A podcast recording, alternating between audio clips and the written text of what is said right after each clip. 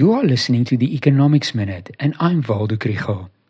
According to the quarterly Labour Force survey, employment increased in the third quarter and the unemployment rate decreased. If it sounds too good to be true, remember that the monthly indicators showing that the economy struggled in the third quarter show that the sectors where production declined are also those where jobs were lost, specifically manufacturing and mining. But then, what do we know about the jobs that were created? This episode is supported by Economic Research Southern Africa and the NWU Business School.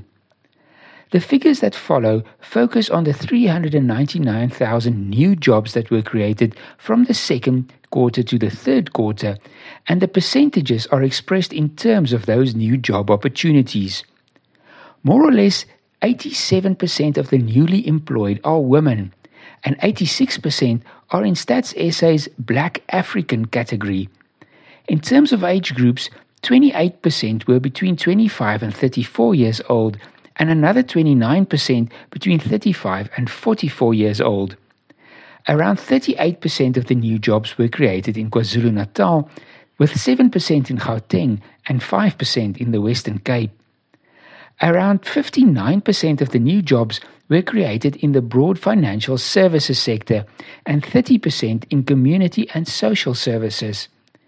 Looking at the occupations, 38% of the new jobs are for machine and equipment manu- operators and 32% in sales and services.